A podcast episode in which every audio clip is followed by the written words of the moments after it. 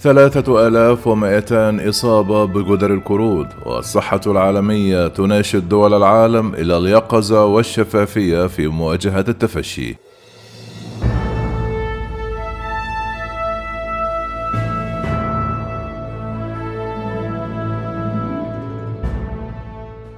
دعت منظمة الصحة العالمية الدول إلى اليقظة والشفافية في مواجهة التفشي النادر لأكثر من ثلاثة آلاف ومائتان حالة إصابة بجدر القرود في جميع أنحاء العالم بانتظار قرار عما إذا كان يجب إعلان أعلى مستوى للتأهب.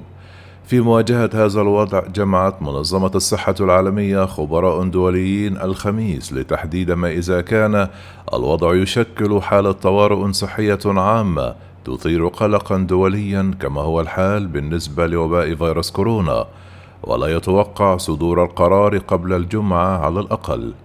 قال المدير العام لمنظمة الصحة العالمية تيدروس أدهانوم خلال الاجتماع أن منظمة الصحة العالمية تطلب من جميع الدول الأعضاء بتقاسم المعلومات معنا.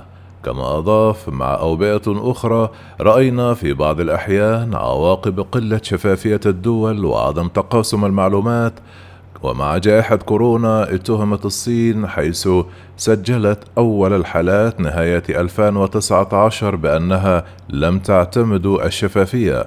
تم الكشف عن زيادة غير عادية في حالات الإصابة بجدر القرود منذ مايو خارج بلدان غرب ووسط إفريقيا حيث ينتشر الفيروس عادة وباتت المنطقة الأوروبية مركز انتشار الفيروس. أوضح تدروس أنه منذ ما يزيد قليلا على ستة أسابيع تم إخطار منظمة الصحة العالمية بوجود ثلاثة حالات من جدر القرود في المملكة المتحدة ولم يسافر هؤلاء الأشخاص خارج البلاد مؤخرا.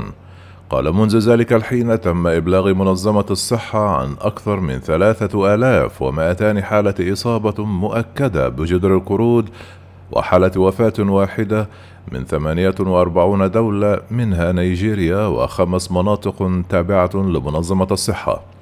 كما أوضح إضافة إلى ذلك تم الإبلاغ منذ بداية العام عما يقارب من 1500 حالة مشبوهة وحوالي 70 حالة وفاة في وسط إفريقيا لا سيما في جمهورية الكونغو الديمقراطية وكذلك في جمهورية إفريقيا الوسطى والكاميرون.